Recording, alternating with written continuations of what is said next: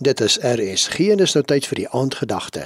Dit word vanaand waargeneem deur Victor Grootboom van Mosselbaai. Goeienaand liewe luisteraar. Die beeld wat ons van Dawid in die Bybel kry, veral in die Psalms, is dat Dawid 'n goeie mens was en niks verkeerd kon doen in die oë van die Here nie. Maar as ons die boek Samuel lees, dan sien ons dat Dawid maar 'n slegte mens was.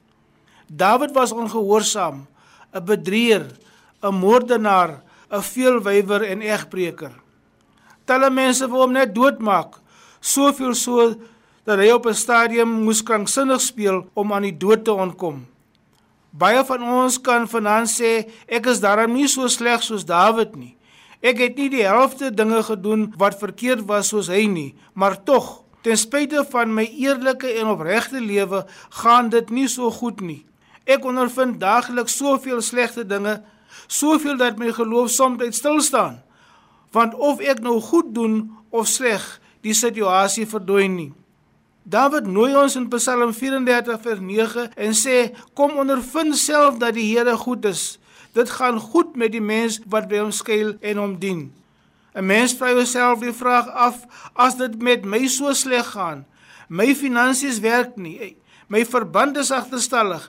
My motor is onklaar en alles gaan net verkeerd met my en sien ek geen lig vorentoe nie. Wat dan was Dawid se geheim?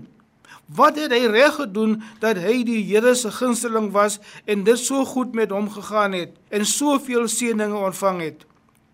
Dawid was eerstens eerlik en opreg met God. Hy het die Here geken in alles wat hy doen en die dinge bely wat hy verkeerd gedoen het. Hy het niks van God weggesteek nie.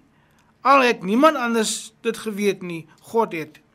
Dawid het ook vertroue in die Here gehad. Daarom kon Dawid in sy Psalm sê: "Kyk na my en sien dat die Here goed is, ten spyte van jou ongehoorsaamheid."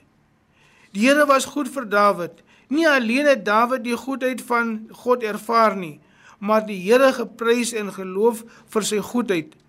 Na die moord op Uria met wie se vrou hy oorspel gepleeg het, het hy hom voor die Here ontmoedig en sy skuld berei en sê hy: "Skep vir my 'n rein hart, o God, en gee opnuut in die binneste van my 'n vaste gees."